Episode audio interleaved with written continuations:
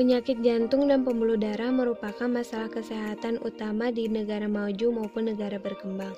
Sedangkan penyakit hipertensi menjadi penyebab kematian nomor satu di dunia setiap tahunnya. Di zaman modern ini, penyakit hipertensi tidak hanya berisiko pada lanjut usia saja, namun hipertensi dapat terjadi pada siapa saja termasuk anak muda atau mereka yang berusia 18 hingga 39 tahun. Mengapa demikian? Lalu apa yang harus dilakukan pemuda zaman sekarang?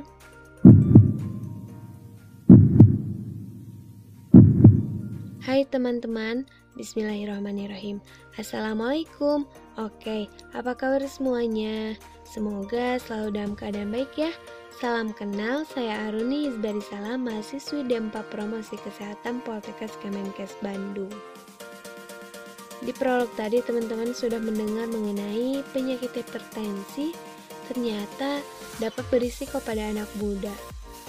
Wah, mengapa hal ini terjadi?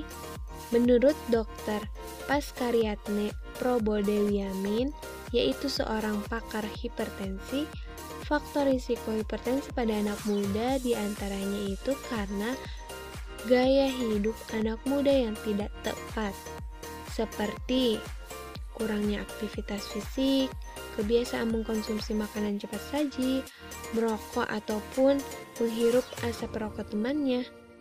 Nah, faktor psikososial seperti stres, akibat pelajaran sekolah, kuliah, atau pekerjaan, serta konflik dengan orang lain itu akan meningkatkan risiko terjadinya hipertensi. Selain itu, Obat-obatan juga dapat menimbulkan peningkatan tekanan darah, seperti obat penghilang rasa nyeri hingga agen stimulan seperti nikotin. Serem ya teman-teman, zaman sekarang anak muda sudah mengidap penyakit yang biasanya diderita lansia. Ayolah, mulai sekarang kita ubah gaya hidup menjadi lebih sehat lagi. Bagaimana caranya?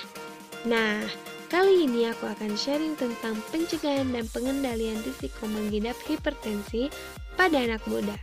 Oke, buat yang sudah tahu, yuk kita mengingat kembali dan buat yang belum tahu, kita simak bareng-bareng ya.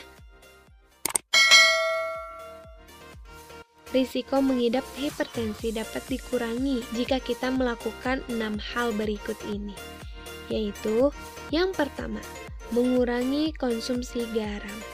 Batasi pemakaian garam jangan melebihi 1 sendok teh per harinya atau ini tuh setara dengan 2000 mg natrium. Kurangi garam saat memasak dan batasi makanan olahan dan cepat saji. Yang kedua, melakukan aktivitas fisik teratur. Lakukan selama 30 menit per hari dan minimal 5 kali per minggu. Aktivitas fisik bukan hanya olahraga saja tentunya, namun, kegiatan yang membuat tubuh kita bergerak seperti melakukan pekerjaan rumah, menyapu, mengepel, mencuci pakaian, dan lain sebagainya. Lalu, lebih memilih menggunakan tangga dibandingkan lift, melakukan peregangan, menari, berkebun, dan masih banyak lagi. Yang ketiga, tidak merokok dan menghindari asap rokok. Untuk anak muda, ini dia nih tips menghindari pengaruh merokok dari teman-teman kalian. Di antaranya, bertemanlah dengan orang yang memang tidak merokok. Yakinlah, rokok bukan satu-satunya sarana untuk bergaul dengan teman. Jangan malu mengatakan diri kita itu bukan perokok, tapi banggalah pada diri sendiri karena tubuh kita tidak terkontaminasi zat berbahaya. Untuk perokok pasif nih, ingat, rumah adalah tempat berlindung, termasuk dari asap rokok. Bagi perokok pasif, harus berani menyuarakan hak untuk tidak menghirup asap rokok.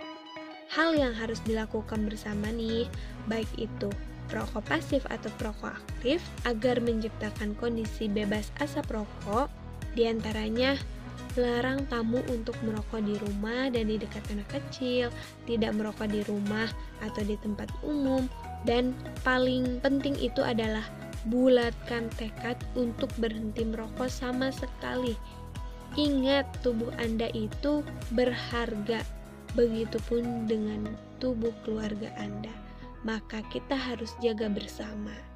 Yang keempat, diet dengan gizi seimbang. Lakukan diet dengan mengkonsumsi makanan sesuai dengan isi piringku untuk memenuhi gizi seimbang. Apa itu isi piringku? Isi piringku adalah 2 per 3 dari setengah piring itu adalah makanan pokok.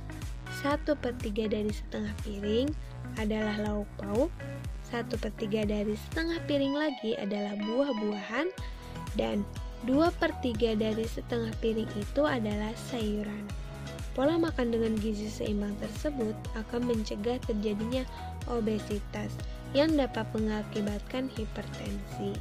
Yang kelima, mempertahankan berat badan ideal. Aturlah berat badan dengan menjaga pola makan yang sehat, seimbang, rendah lemak, dan rendah kadar gula.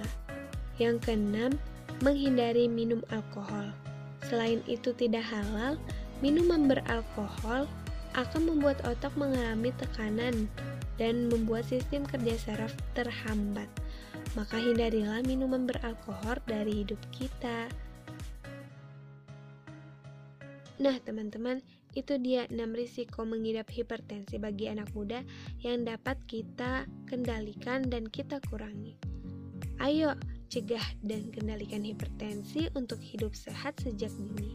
Semoga sharing kali ini bisa bermanfaat untuk kita.